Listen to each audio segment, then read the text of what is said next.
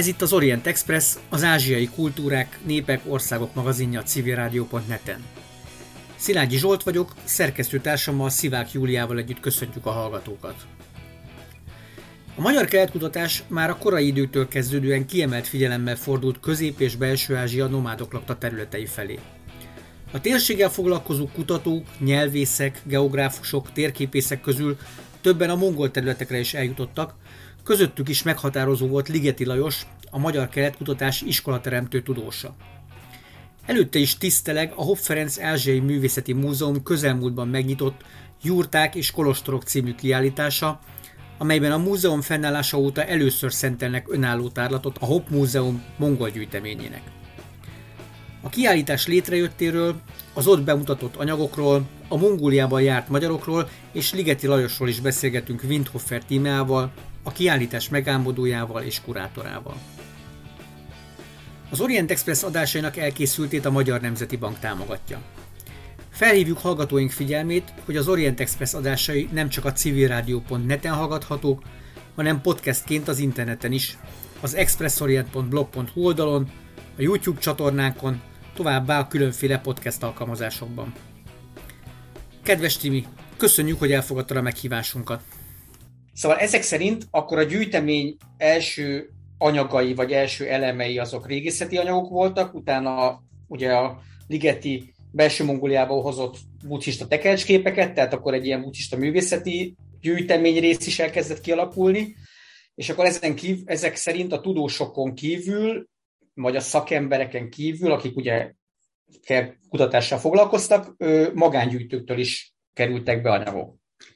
Így van, a manga gyűjtemény állományon leginkább ajándékok révén gyarapodott. Jelentős magángyűjtők, mint például Ágai Béla és az ő felesége, vagy Csapek Károlytól nagyon jó buddhista kispasztika anyag érkezett be.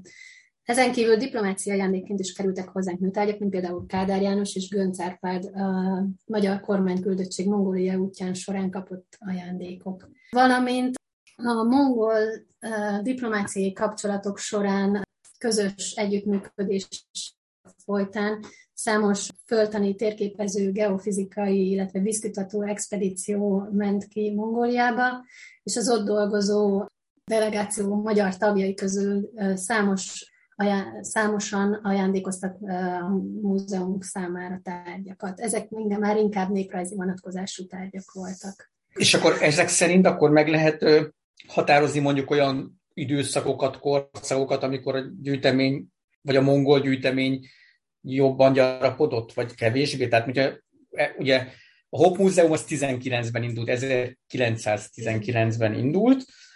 Ugye Ligetiről majd fogunk még azért beszélgetni, ő egy-két évtizeddel később adhatott tárgyakat, és akkor ezek szerint például a 60-as, 70-es évek az egy olyan időszak, amikor bővült a gyűjtemény? Így van, a Horváth Tibor igazgatósággal, ahogy is mondtam is, hogy a tudományosan megtervezett gyűjteményezési tervei voltak, és így nyilván felkereste a magángyűjtőket, valamint mongol diplomáciai kapcsolatok fellendülésével számos mongol témájú kiállításban részt vett a múzeum, így köztudatba került a múzeum léte, és emiatt a magánemberek is adományoztak. Tehát megkeresték a múzeumot. Ugye a magyar-mongol diplomáciai kapcsolat az 1950-ben jött létre, és akkor ezek szerint akkor az 50-es évektől kezdődően nyilván a szocialista blokkon belüli kulturális kapcsolatok miatt ugye mongolok is megjelentek Magyarországon mindenféle kiállításokban, és akkor ezek szerint a HOP együttműködött ezekben.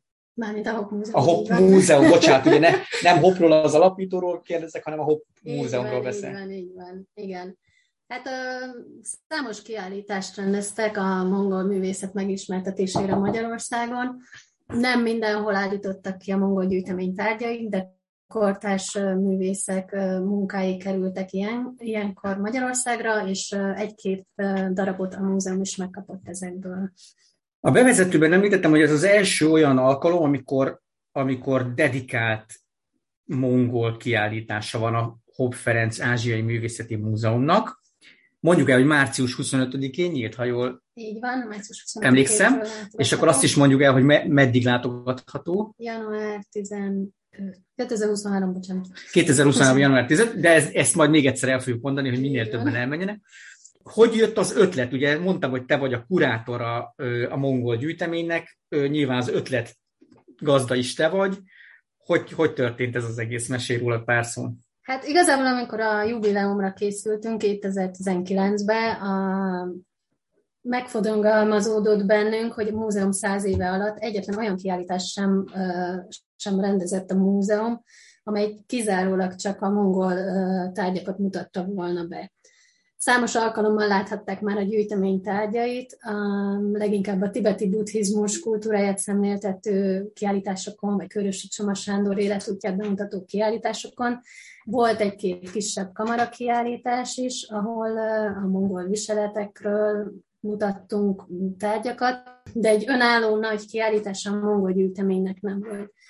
És emiatt gondoltuk azt, hogy ez azért egy hiánypótló dolog lenne, úgyhogy megrendeztük a Jóták és Kolostorok című kiállítását. Ezzel szeretnénk tisztelegni a mongol tárgykultúra kiváló hazai kutatói munkásságai előtt, valamint Ligeti Lajos születésének 120. és Forvát Tibor 50, halálának 50. évfordulója. Egy kicsit tudsz mesélni nekünk arra, hogy hogyan rendez az ember kiállítást? Tehát például mi alapján válogatjátok össze a tárgyakat, hogy döntitek el, hogy mi lesz a kiállításnak a fő koncepciója? Egy ilyen kis kulisszák mögé bepillantást esetleg tudnál nekünk nyújtani? Hát mivel nekem ez az első kiállításom, úgyhogy uh, nem voltam nagyon tapasztalt, igazából először meg kellett szülni az ötletet, hogy tényleg, hogy milyen koncepció legyen. Nyilván én is, mint tiszteletbeli mongol szakos hallgató, ezért így beleláttuk a mongol kultúrába. Nyilván ismerem a mongol gyűjteménynek a tárgyait, és a kettőt, illetve a hazai kutatóknak a munkásságát, és így, hát ezt mindent szerettem volna így összehozni, mert tényleg egy ilyen ahogy mondtam, ez egy hiánypótló dolog, tehát, hogy minden kis apró részlet azért egy valamilyen minimális szinten megjelenjen. És igazából ez volt, hogy uh, kitaláltuk a koncepciót, uh, több uh, előző kollégám segített, illetve régi egyetemi társaink együtt összeraktuk, tanáraink, Ágnes is segített a koncepció kidolgozásába, és Utána ugye ehhez a koncepcióhoz kiválogattuk a tárgyakat. Nyilván először meg kellett nézni, hogy milyen állapotban vannak a tárgyak, amit restaurálni kellett, ezek elmentek restaurálásra, és aztán csak alakult. Mennyi időt vesz egy ilyen igénybe? Én, én nagyjából emlékszem, hogy mikor beszéltünk először a kiállítás ötletéről, jól gondolom, hogy ez körülbelül egy, egy év volt, amíg hát ez igen, kialakul? körülbelül egy éves munka, igen. Nyilván a, a kiállításhoz kapcsolódó tanulmánykötet megírása azért egy szerves idejét lefoglalta ennek, de maga a kiállítás megszervezése, ha legalább egy fél éves munkát biztos, hogy igényel. Az alapvető koncepciót mi alapján találtátok ki? Az volt a cél, hogy így bemutassátok a gyűjt, gyűjteménynek a történetét, vagy? Nem a gyűjtemény történetét, igazából amit mondtam, hogy így minden, ami mongol. Tehát akkor tulajdonképpen a gyűjtemény bemutatásán keresztül, vagy azzal párhuzamosan igazából a magyar mongolisztikát is megpróbáltatok egy kicsit így megjeleníteni. Igen, igen, ez volt a cél, hogy a magyar mongolisztikai kutatásoknak az eredményeit a múzeum gyűjteményében le, lehet, felelhető tárgyak által szemléltessük, vagy bemutassuk a nagy közönségnek. Mert nyilván, nyilván a, vannak olyan kiállítások, ahol a kutatóknak a munkásságát bemutatjuk, de úgy, hogy mongol tárgyak is mellette ki lennének rakva, szerintem itt Magyarországon még nem annyira volt, úgyhogy ez jelentős többletet adott ahhoz, hogy a mongolisztikai kutatásoknak a eredményeit bemutassuk. Pasti astrum, dilues, astrum, murti, par, silues, par.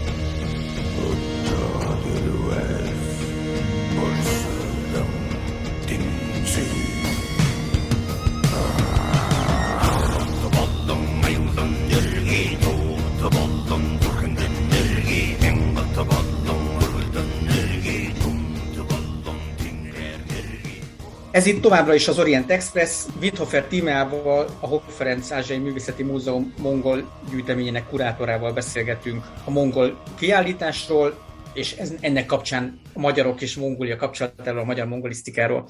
De nem csak a magyar mongolisztikáról, ugye kiállításon sem kifejezetten kutatók, vagy nem csak kutatók jelennek meg, vagy kutatói munkásságok jelennek meg, hanem megjelenik az is, hogy a magyaroknak milyen kapcsolatai voltak ezen túl, vagy korábban a, a mongolokkal, és nem feltétlenül most a tatárjárásra gondolok, hanem hogy például kutatókon kívül is mentek magyarok mongol, vagy eljutottak magyarok Mongóliába. Egy pár szót beszéljünk már róla, hogy, hogy kik, kikről is van szó, vagy kikre fókuszál a kiállítás. Ugye a Ligetit említettünk, mint a leg, egyik legfontosabb kutatót róla, még szerintem fogunk is később beszélgetni, de mondjuk milyen más személyiségek vannak, akiket érdemesnek tartottatok megjeleníteni. Hát 1870-es évektől kezdve számos magyar utazó jutott el Mongóliába, leginkább a magyarok eredetét kutatva. Szent Katonai Bálint Gábor elsőnként végzett tudományos kutatást a mongol népek között, de Zicsi Ágost és testvére József is eljutott Teve, Tevekaravánon át a Góbin keresztül Ulánbátor akkori, illetve Urgába, ami Ulánbátor akkori neve, Újfalvi Károly Jenő francia állampolgárként antropológiai, régészeti és nyelvészeti kutatásokat végzett ott. Széchenyi Béla a belső Ázsiában folytatott expedíciója során szintén eljutott Mongólia, mongolok által lakott területre. Valamint nagyon jelentős volt Zicsi Jenőnek a harmadik ázsiai expedíciója, ahol szintén eljutottak Urgába, ők elsősorban állati és növénytani szempontból gyűjtöttek anyagokat. Az 1900-es évek elején Almási György is többször járt Közép-Ázsiába, ahol a nyugat-mongolok között, a kalmukok között kutatott. Nemesi származású értelmiségek, tudósok még a mandzsikori buddhista mongóliát láthatták. Voltak azonban olyan személyek, akik szaktudásuknak köszönhetően tanúi és részesei lehettek a Mongólia történelmi, politikai és gazdasági átalakulásának. Az első világháború orosz frontjáról Szibériába került magyar hadifoglyok közül többen is Mongólián át, igyek, át keresztül igyekeztek hazajutni, és néhányan hosszabb időt is töltöttek az országba, hozzájárulva a függetlenséget frissen elnyerő ország átalakulásához. Róluk mit lehet tudni? Kik voltak ők, akik ezek a hadifoglyok, akik Mongólián keresztül jöttek haza? Tudomásunk szerint hat, hat magyarról beszélnek mostanában a kutatók, de nem mindegyikről tudunk biztosat. A legismertebb Gelete József volt, aki az 1920-as években élt Mongóliában, majdnem kilenc évet ott töltött, ő is Szibériában esett hadifogságban, és az északi határon Mongolián és Kínán keresztül próbált hazajutni. És mit csinált kilenc évig Mongóliában? Szóval 1920 e, körül érkezett Ulánbátor, illetve Urgába, az akkori fővárosba, és a Nemzeti Gazdasági Minisztériumnak elektrontechnikai szakértőjévé vált. A Gelete József visszaemlékezésein jegyzetein alapuló megúj, megújhodott Mongólia című könyvét, amit Forbát László vetett, vagy írt meg. Nagyon kalandosan mutatja be az akkori Mongóliát, az ottani életet. Gerete tervezte a Nemzeti Színházat, valamint az Urgai villanytelepet, és számos középületnek is ő volt a tervezője. Nekem egy nagyon prózai kérdésem lenne ezzel kapcsolatban. Ő hogyan tudott kommunikálni Mongóliában?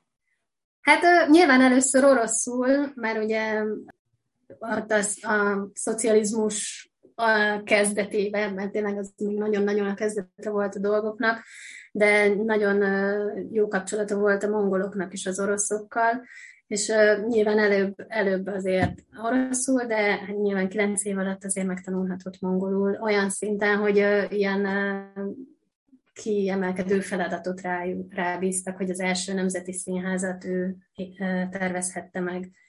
Ebben a nemzeti színházban tartottak később politikai közgyűléseket is. Valamint a másik neves hadifogoly, Radnóti Rót Andor, aki viszont orvostanhallgatóként végzett, és már a hadifogság alatt is orvosként dolgozott, és Mongóliába, szintén ő is Mongólián keresztül akart hazajutni, de ő is ott ragadt Mongóliában, és a forradalom egyik vezetőjének, Szühebátornak is a tábornoki orvosává vált. Szóval még egy hadifogolyról van tudomásunk, Báder Párról, aki az építészetben volt aktív forradalmi Mongóliában. Miután ők hazatértek Magyarországra, akkor beszámoltak valahogyan a mongol élményeikről? Hát ahogy említettem, Gelete József élményeit Forbát László írta meg a Gelete József jegyzetei alapján. Radnóti Rót Andor anyaga, jegyzetei, illetve emlékei a Magyar Nemzeti Múzeum gyűjteményében található, a fényképeivel is vele együtt, mert ő számos fényképet is készíthetett, és ezek a fényképek nagy jelentőséggel bírnak már a mai kutatások szempontjából az akkori korban, még Mongóliában is számos figyelmet kapott ezek a, ez az anyag. És ezek az utazók akkor megjelennek ebben a Hopp Ferenc múzeumos kiállításban is? Hát igazából a kiállításban annyira jelennek meg, hogy a Gelete Józsefnek ez a könyve, a Megújhodott Mongólia, valamint a Radnóti Rótandor archívfotóiból a többi kutatóval együtt egy válogatás, hogy milyen volt akkor Mongólia. Szóval visszatér a kiállításra. A kiállítás első egysége a 19. század végén és a 20. század elején Mongóliába járt személyek munkásságát mutatja be, legfőképpen Szent Katonai Bálint Gábor munkásságát, aki elsőként végzett tudományos kutatást a mongol népek között.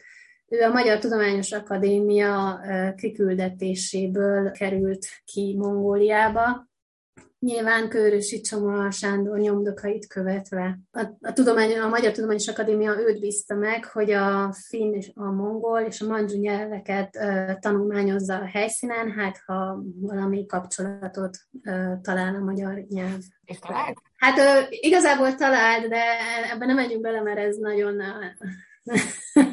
a finnugor és az altáji török rokonságok, ezek elég érzékeny téma, és én nem is vagyok ebben nagy szakértő, de nyilván uh, rengeteg uh, fantasztikus gyűjtés, nyelvi anyagot hozott haza, társadalmi szövegeket, népdalokat, meséket, leírta a mindennapi tevékenységeket. Sajnos ezt az anyagot néhány kisebb publikáció, beszámoló formáján, vagy beszámolón kívül nem jelentette meg, a, kutatásainak eredményei, a gyűjtésének feldolgozása az elmúlt években kezdődött meg. Birtalan Ágnes adott ki két, kétszer is, azt hiszem, ezzel kapcsolatban köteteket, az ő gyűjtéseinek a feldolgozásával, talán 2009 és 2011-ben. Engem nagyon érdekelne, hogy amikor ezek az utazók hazatértek Mongóliából, akkor milyen visszhangja volt itthon az ő utazásaiknak? kalandjaiknak, tapasztalataiknak? tudományos körökben elismerték őket, vagy egyáltalán és tudományos körökön kívül aztán tudtak róluk az emberek? Hát nyilván, mivel Szentkatonai Bálint Gábor a akadémia megbízásából ment ki, nyilván azért voltak ilyen tudományos ülések, ahol ő beszámolt az ő kutatásairól, nyilván elindítva ezzel egy... Diskurzust erről. Így van, így van, de nem tudom, hogy ez mennyire jelent meg, vagy volt tudomása erről a köznépnek, hogy ő milyen hatalmas anyagot gyűjtött. Igazából szerintem nem is nagyon, mivel hogy nem is lett publikálva tudományosan se az összes anyag. Ugye itt, itt ha annyit szabad hozzátennem, hogy nyilván a, a század végén, az, tehát a 19. század vége, 20. század elejének időszakában ugye a turanizmus, meg a, a turanizmus korszakában mondjuk így talán, és hogy a magyar őstörténet iránt egyre fokozódó érdeklődés időszakában azért egyre többen fordultak ugye Ázsia felé, vagy a mongolok felé is nyilvánvalóan. Tehát volt egy, én nézegettem magyar gyűjteményeket, folyóirat gyűjteményeket, mondjuk a 19. század utolsó harmadában, a 20. század elejéből, nagyon sok helyen megjelenik Mongolország. Tehát ez, ez egy ilyen érdekes, távoli, bizonyos kapcsolatokat jelentő, vagy a, az Ázsiával kapcsolatokat jelentő fontos országocska volt, nyilván akkor nem volt független Mongólia, tehát akkor úgy beszéltek róla, mint Kína része például. De hogy azért volt, volt én azt gondolom, hogy érdeklődés, nem volt annyira határozott, mint amilyen például a japán kultúra, vagy például Kína iránt.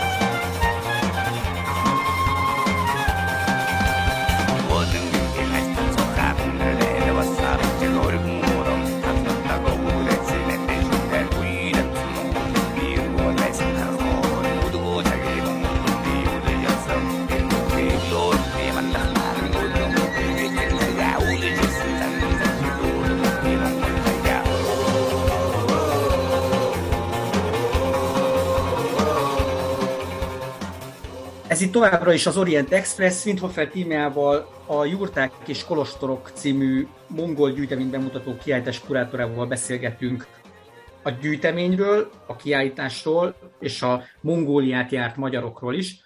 És itt említettem a bevezetőben, hogy ugye a kiállítást dedikáltátok Ligeti Lajosnak is, hiszen a születésének 120. évfordulóját ünnepeljük az idén. Beszéljünk Ligetiről, aki egy iskolateremtő kutatója volt a magyar orientalisztikának, vagy keletkutatásnak, és igazából a magyar mongolisztikának is. Egy kicsit mutassuk be őt a hallgatóknak. Hát így van, ahogy a Zsolt mondta, a mongolokra vonatkozó hazai tudományos kutatás fellendülése Ligeti Lajos nevéhez fűződik. Ligeti Lajos a magyar orientalisztika egyik legnagyobb alakja, munkásságával lefektette a magyar mongolisztikai kutatások alapját oktatói és tudományszervezői tevékenységeinek köszönhetően jött létre számos olyan kezdeményezés, amely a magyar orientalisztikai kutatást nemzetközi szintre emelhette. Nevéhez köthető az Ötvös Lórán Tudomány Egyetem mongol és belső tanszék megalapítása, a Magyar Tudományos Akadémiában a keleti gyűjtemény megalapítása, aktív, aktív tagja volt a Magyar Tudományos Akadémiának, Turáni Társaságnak és a Körösi Csoma Társaságnak. Vezetésével jött létre a Magyar Tudományos Akadémia Orientalisztikai Bizottsága, majd a altaisztikai kutatócsoport szerepe volt az altaisztikai képzés megindításában a Szegedi Tudományegyetemnek.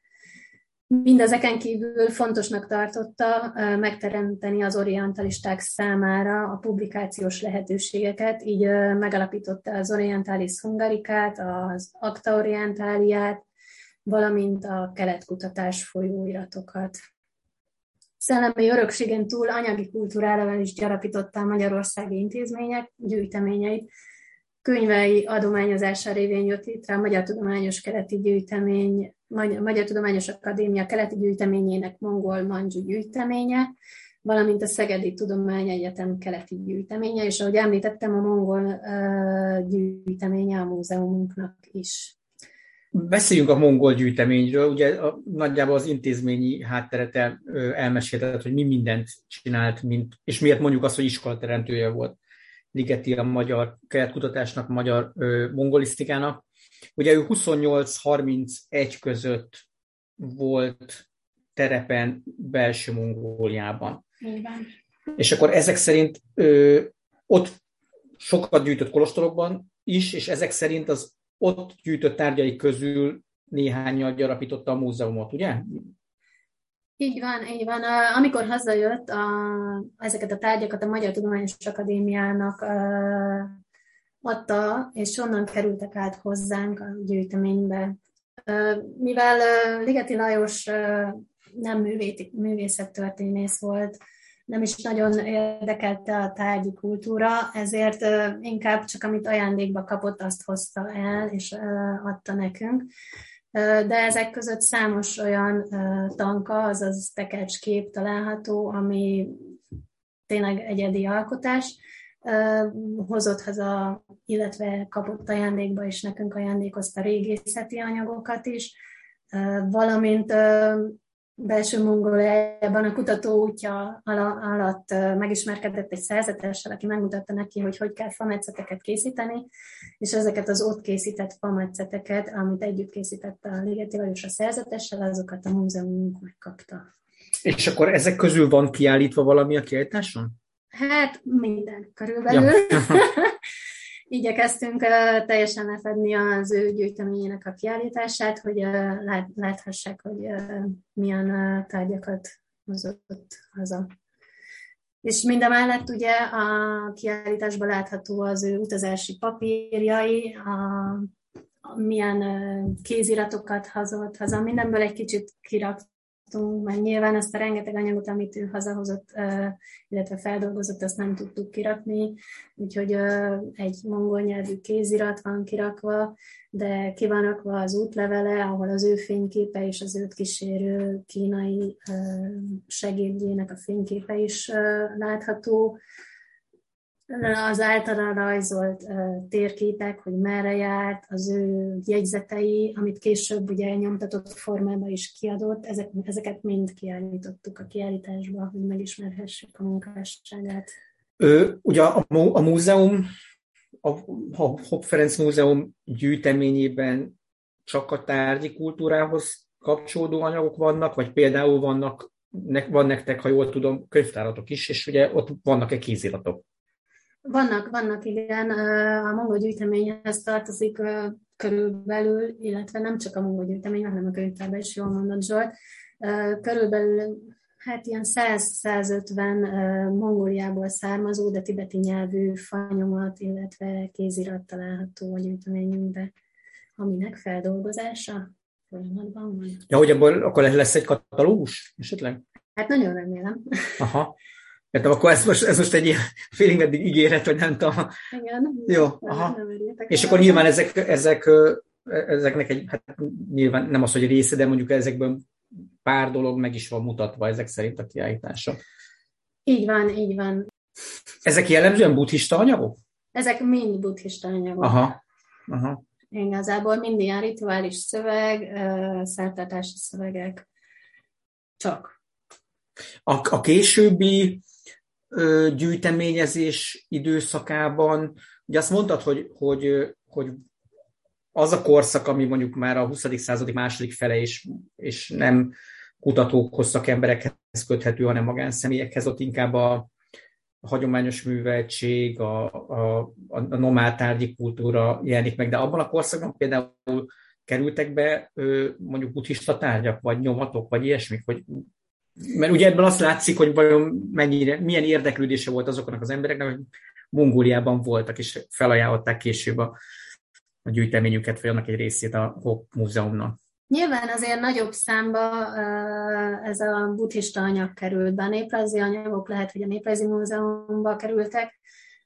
Egy-két viseleti tárgy, vagy használati eszköz, csésze, vagy akár evőeszközkészlet, vagy akár övkészség került be tőlük, de azért buddhista anyag volt inkább számottevő, ami tőlük bekerült, rengeteg fametszet, tanka, takacsképek, és nagyon sok buddhista kis, kis plastika is került be a gyűjteménybe ekkor. Nagyon, a legjobb darabjaink ebbe az időbe kerültek be. Tehát akkor igazából mondjuk a 60-as, 70-es, 80-as évek az egy ilyen gazdagabb korszak a, a gyűjtemény, vagy legalábbis a gyűjteményezésnek egy így van, így van, ez volt szerintem a csúcs. Majd rákapcsolunk. Már mostanában egyébként ö, azt tapasztalom, hogy Mongóliában inkább az a cél, hogy amit lehet, visszaszereznek külföldről. Nektek a múzeumnak milyen kapcsolatai vannak a mongolokkal?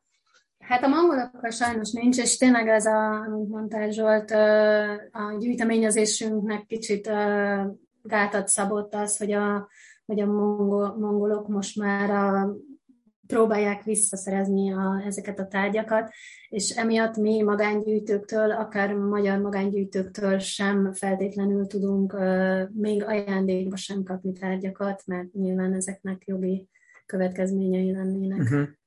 Jó, hát az egész jogi háttér az elég, elég mondjuk így bizonytalan, hogy ugye hogy került a gyűjtőhöz, hogy került, hogy, hogy került ki az országból, most a mongol állam, hogy ez, ebben ne is menjünk bele, ez csak egy ilyen érdekesség igazából, hogy én 30 éve járok Mongóliában, mondjuk 30 évvel ezelőtt nem tapasztaltam azt a lelkesedést, amit most tapasztalok mondjuk az elmúlt 10 évben, hogy a mongolok mennyi energiát fetszölnek, vagy fordítanak, bocsánat, mennyi energiát fordítanak arra, hogy ezeket az anyagokat egyrészt dokumentálják, tehát kiderüljön, hogy mi van külföldön, másrészt, hogy visszaszerezik. Nyilván egy, egy múzeumi gyűjteményben lévő tárgyat nem fognak gondolom visszakövetelni, de az minden esetre fontos lehet nekik, ha tudnák ha tudják, vagy ha tudhatnák, hogy például a Hopp Ferenc Múzeumnak a birtokában mi van, és ezek szerint hát nagyszerű anyagaitok vannak. Ligetire visszatérve, ugye a Ligeti kéziratos hagyatékának egy jelentős, kéziratos hagyatéka az bekerült az akadémia könyvtár keleti gyűjteményébe. Van valami kooperáció a Hopp Múzeum és a keleti gyűjtemény között olyan tekintetben, hogy ugye itt összekapcsolhatóak legyenek esetleg összetartozó anyagok, vagy pedig a ti gyűjteményetekben nincsenek kéziratos hagyaték, nincs kéziratos hagyaték?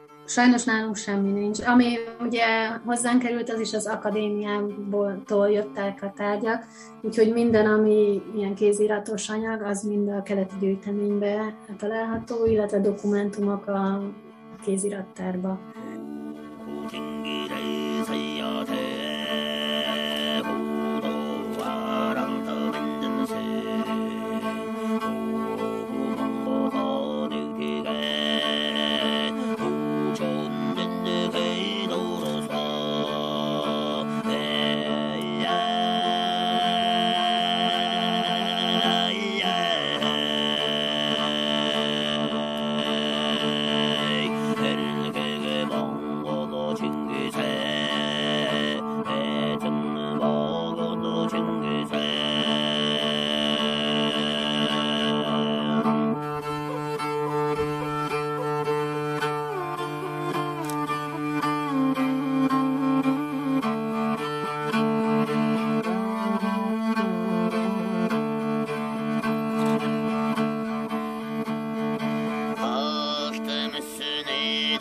能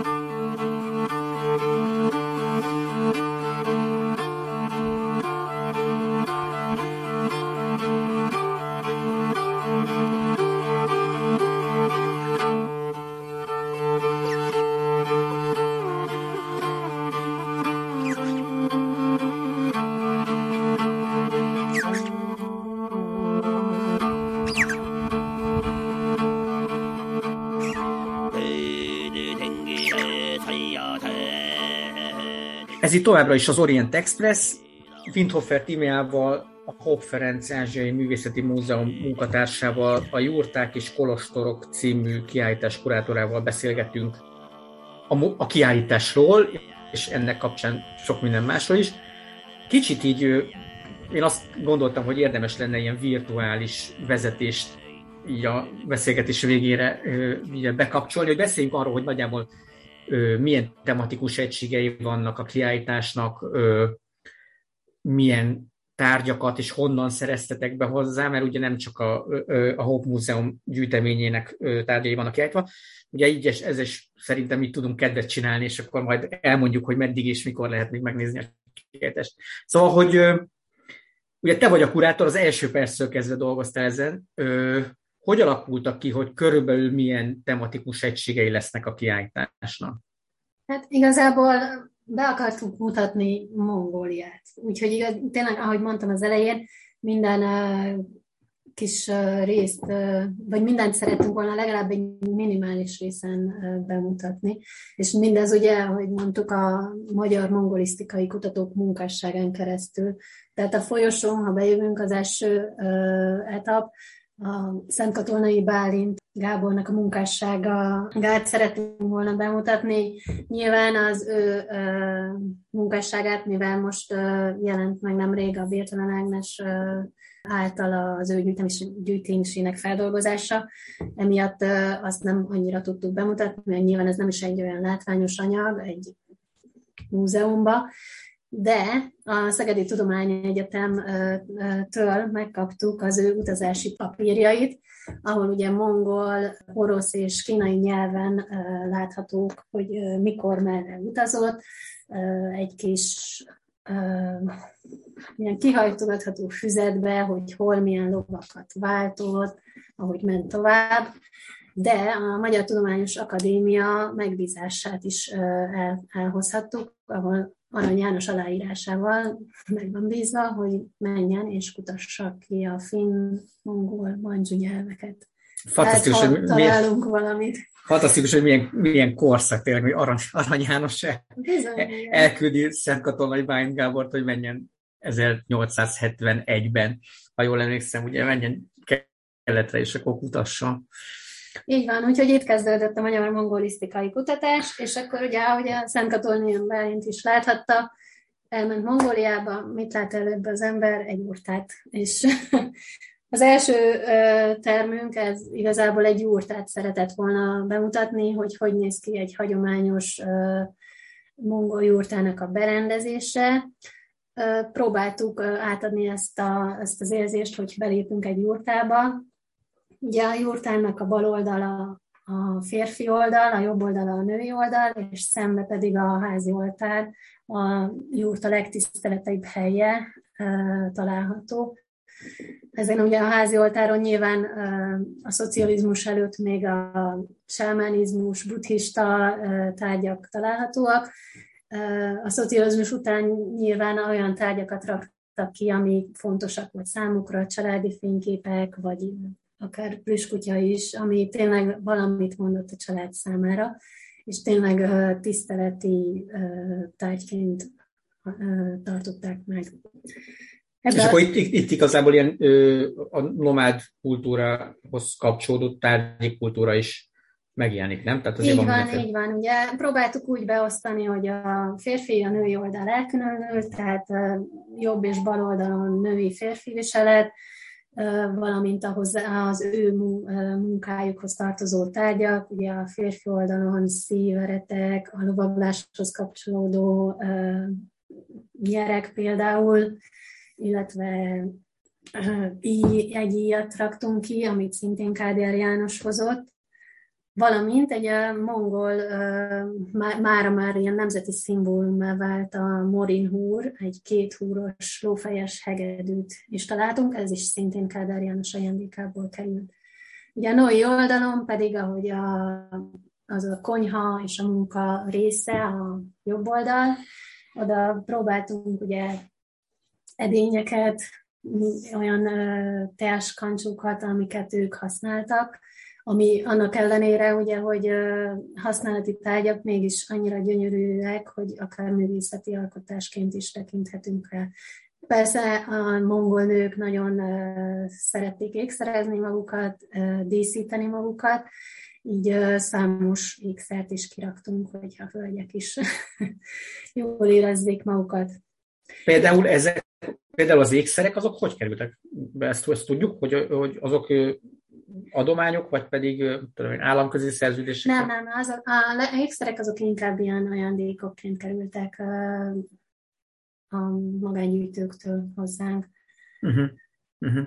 Ugye az állami ajándékoknak az volt a lényege, hogy a Mongólia hogy szeretné bemutatni magát, hogy, hogy, hogy adja el magát, és ezért ugye kaptuk a, a, kapták a Morinhúrt, a hegedűt, ami tényleg egy szimbolikus tárgy, kapták, kaptak egy az íjat, a nyerget, ami egy ilyen szambu típusú nyereg.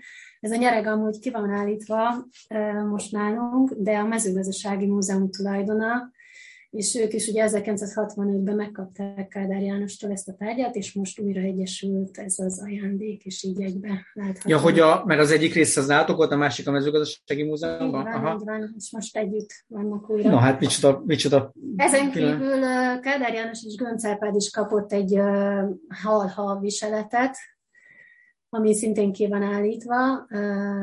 Kádár János le is van fotózva. Épp azt akartam mondani, hogy én, én ezt láttam fekete-fehérben, ezt a képet a Kádára. Úgyhogy nagyon jól állt neki. Nem tudom, hogy, nem tudom, hogy Göncárpádról láttam de az is rémlik, de az egészen biztos, biztos hogy... A... Biztos, hogy nem Göncárpádról is. Ez, ez ilyen megszokott állami ajándék, hogy amikor Losonci Pál ment, ő is kapott egy nyerget, például ez is a mezőgazdasági múzeumban van, Szóval igazából erről szólt, hogy a Mongólia megmutassa, hogy milyen értékeik vannak a külföldieknek.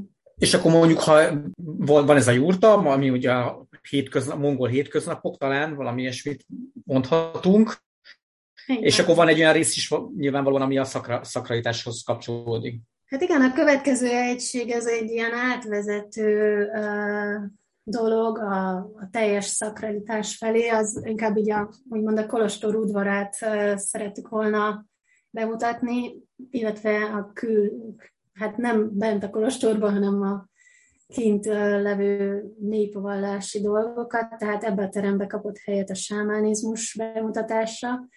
Nyilván mindenki ismeri Diószegi Vilmos nevét, aki az 1950-es években négyszer járt és gyűjtött a szibiri sámánizmussal kapcsolatos anyagot. Ez az anyag a Néprajzi Múzeumban található máig, és tőlük megkaptuk ezt az anyagot, és be tudtuk mutatni. Ugye Diószegi 1960-ban volt, volt Mongóliában. 59, 60, 60 de valahogy így, hát, szóval itt igen. a fordulóban. Most dolgozunk a, egyébként a Néprajzi Kutatói Néprajztudományi Intézetben a a mongóliai ö, napló, naplóján, napló, ugyanaz 1960-as mongóliai gyűjtésének a kiadásán, úgyhogy az is egy érdekes, és kár, hogy nem jutottunk hamarabb oda, hogy megjeleníthessük a, a kiállításon, de ezek szerint akkor, akkor, a, akkor a Néprajzi Múzeum anyagai is va, itt vannak. Így van, itt vannak a sámánista anyagok, valamint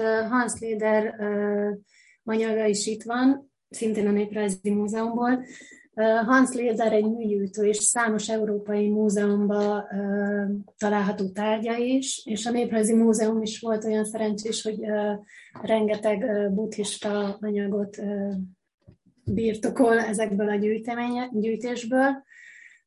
Jelenleg a kiállításban a szam táncot bemutató kis figurális szobrokat mutatunk be, a camtánc az egyfajta a leglátványosabb szertartása a buddhizmusnak, ami még szintén a Kolostor udvarán zajlik, tehát a laikusok előszeretettel tudják látogatni. Ez igazából ez egy olyan szertartás, ami azt mutatja be, hogy a tan ellenségeit felett hogy aratunk győzelmet. A buddhista tan hogy győzi le az ellenségeit. Így van, így van. Igen. Ugye ezt 1928-ban táncolták utoljára Mongóliában, és aztán most a 2000-es években újították fel a hagyományt. Ugye, ha jól tudom, akkor két két, szamot, szamot, vagy kétféle szamot táncolnak, egyet, egyet a Dastolin kolostorban, Ulánbátorban, a másik meg az Amár Weizgán kolostorban, tehát az igazából vidéki. Tehát tulajdonképpen újra tanulták ezt a... Ezt a... Így van, újraélesztették a hagyományt, és ennek egy rövid videóválogatást is, stát is meglát, megláthatják a kiállításba. Teleki Krisztán és Mája Zsuzsa felvételeit láthatjuk. Illetve visszatérve a sámánokhoz, a, a Birtalan Ágnes felvétele is látható egy sámán nappali, nappali szertartásáról ebben a teremben. És akkor ugye ebben a teremben még mindig kint vagyunk a Kolostor oldalon, a vallási fesztiválok helyszínén. Emiatt kiraktunk két óriási applikált tankát, amit a szertartások, illetve körmenetek alkalmával használnak. Ezek ilyen három méteres, óriási, nagy tekercsképek, amiket ilyen rudakra akasztva voltanak, amikor zajlanak ezek a fesztiválok, illetve ünnepségek. Azok honnan vannak? Ajándékok. Azok is ajándékok. Fantasztikus. Fantasztikus. Azért csoda dolgok jöhettek haza a transzibériai vasúton keresztül ilyen, ilyen konténerekbe zárva.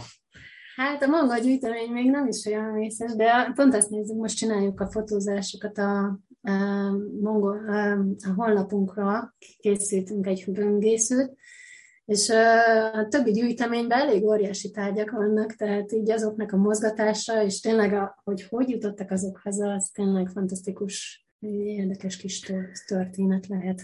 És akkor a, ugye ez volt a, be, a kolostor udvara, és akkor van a kolostor belső is ezek szerint? A tan- vagy... Így, van, így van, a következő az a be, be, belépünk, egy korostor termet uh, szerettünk volna bemutatni. Nyilván, ahogy belépünk, uh, négy égtájőrző vigyáz ránk. Sajnos csak kettőt sikerült kiraknunk, de ők is vigyáznak ránk. És ahogy belépünk a kolostor terembe, szembe található az oltár, ahol nyilván középen Sakyamuni és mindenféle szertatási tárgyakat raktunk ki, illetve jobb oldalon a békések, bal oldalon a haragú isteneknek a szobrai, tekercsképei láthatók. Emellett nyilván egy-két rituális szöveget is kiraktunk, ahogy az előbb beszéltünk, szertartási viseleteket, a szertartások során használatban levő tárgyakat, illetve hangszereket is láthatnak ebbe a terembe. És folyamatosan kolostori mormolás hallható a terembe, hogy tényleg úgy érezzük, hogy ott, legy, ott vagyunk. És akkor az utolsó terem az, az a ligeti? Az utolsó terem uh, Sőt, nem, Ligeti mellett a uh-huh. kutatók terme. Uh-huh. Nyilván itt uh, Ligeti anyagát, ahogy elmondtam, uh, igyekeztünk teljes mértékben kiállítani, illetve uh, dokumentumokkal és a keleti gyűjtemény, illetve a kézirattár anyagából uh, látványossá tenni.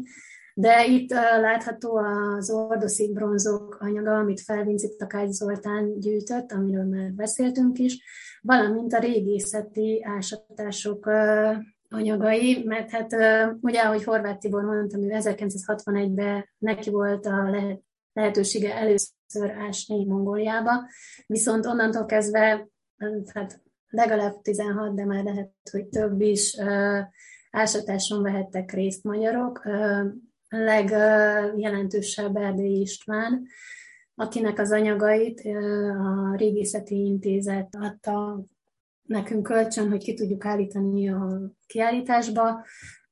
A naplóját el tudtuk hozni, el tudtuk hozni ásatási rajzait, a, ugye a leletekről, amiket találtak, szint és nyilván itt a Horváth Tibor anyagát is ugyanígy bemutattuk párhuzamosan a kettőt egymás mellett.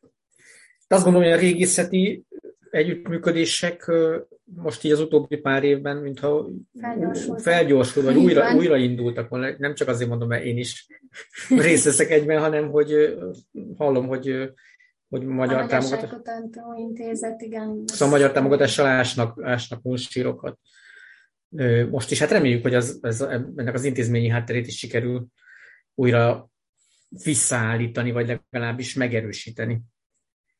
És még egy dolgot, van ebbe az utolsó teremben, a kutatók termébe, egy uh, képválogatást láthatnak egy archív fotókép válogatását, az Icsi Jenő ázsiai utazásától kezdve a szocializmus fotózó Rév Miklós fényképeiből rengeteg gyönyörű képet láthatunk. És így. Igen, mondjuk a fotókról nem, nem beszéltünk eddig, de jó, hogy említed, mert nyilván az is nagyon érdekes. Kell, kellene egyszer csinálni egy ilyet, hogy tudom, MTI fotókat és, és terepfotókat. Igen, én amikor elkezdtem csinálni ezt a kiállítást, akkor a Magyar Földrajzi Múzeummal vettem fel a kapcsolatot, ahol a Ligeti Lajosnak a fényképeinek egy része található, és meg is beszéltük ott a kollégákkal, hogy lehet, hogy csinálni kellene majd egy ilyen mongol archívfotók könyvet, mert ez tényleg hihetetlen anyag. Ez fantasztikus ötlet, ez, ez fantasztikus ötlet, azon, azonnal csapjuk le erre, csináljunk mongol archívfotókból egy, egy albumot. Még mielőtt befejeznénk ezt a beszélgetést, egy tényleg pár szóban foglaljuk össze, hogy a kiállításhoz milyen egyéb programok kapcsolódnak, meg azt tudom, hogy van egy, és szó is került már korábban róla, van egy katalógus is, vagy egy tanulmánygyűjtemény. Ezt, ezt pár szóban bemutatnád? Így van. Itt ebben a tanulmánykötetben is próbáltuk a próbáltuk azt a követni azt a módszert, ahol, amit a kiállításban is, hogy a hazai kutatóknak a kutatásai anyagát mindenki bemutathassa, és a mongol gyűjtemény, a múzeum mongol gyűjteményének a tárgyaival próbáltuk illusztrálni ezeket a tanulmányokat. Négy tematikai egységet fogalmaztunk meg ebbe a tanulmányba. Az első a a mongol tudományos és diplomáciai kapcsolatok szellemi és tárgyi örökségének történetét járja végig, a második egység a jeles kutatók, tudósok kiemelt fontosságú kutatási témákat vizsgálgatja. A harmadik egység a buddhista művészet néhány jellegzetes vonását és a Hof Ferenc Múzeum gyűjteményének vonatkozó tárgycsoportját mutatja be. A negyedik egység, az volt kedvence lesz, a mongol történeti fotográfiákról szóló tanulmányok. Ez megjelent, ez a kötet a kiállítás megnyitására, valamint tervezünk egy, egy múzeumpedagógiai kiadványt is. A Hopp Ferenc Kelet Múzeum 2014-ben indított egy új sorozatot, aminek a, az ázsiai kultúrálák bemutatását tűzte ki célul fiatal korosztályok számára, ezért is a címe Ázsiai kultúrákról fiataloknak. Ebben a sorozatban négy könyv jelent már meg. Nyilván az első illetve első három a országokat mutat be. A negyedik az a jubileumi kiadványunkhoz kapcsolódóan Hoff Ferenc életútját mutatja be, és reményeink szerint nyár közepén jelenik meg a Mongóliát bemutató kiskönyvünk is. Szerintem itt zárjuk le ezt a beszélgetést. Ugye még nagyon sok mindenről le, lehetne szót de sajnos a műsoridőnk végére értünk. Én azt javaslom, hogy a kapcsolódó programokról adjunk tájékoztatást majd a leírásban, úgyhogy ha bárki, ha, ha érdeklődnek a programok iránt a tisztelt hallgatók, akkor egyrészt a Hopp Ferenc Ázsiai Művészeti Múzeum honlapján, másrészt pedig itt a leírásban tájékozódhatnak ezekről a programokról. Nagyon köszönjük Windhofer Timának, hogy elfogadta a meghívásunkat, köszönjük a hallgatóknak a figyelmet és a Magyar Nemzeti Banknak a támogatást. Önök az Orient Express-t, a civilrádió.net Ázsia magazinját hallották, a műsort Szilágyi Zsolt és Szivák Júlia vezették. Felhívjuk figyelmüket, hogy az Orient Express adásai nem csak a civilrádió.net-en hallgathatók, hanem podcastként az interneten is. De ott vagyunk a YouTube-on és a különféle podcast alkalmazásokban is. A Facebookon pedig a Pázmány Péter Katolikus Egyetem Modern Kelet-Ázsia kutatócsoportjának oldalán lehet megtalálni az adásokat és készítőiket. A viszont halásra tartsanak velünk a jövő héten is!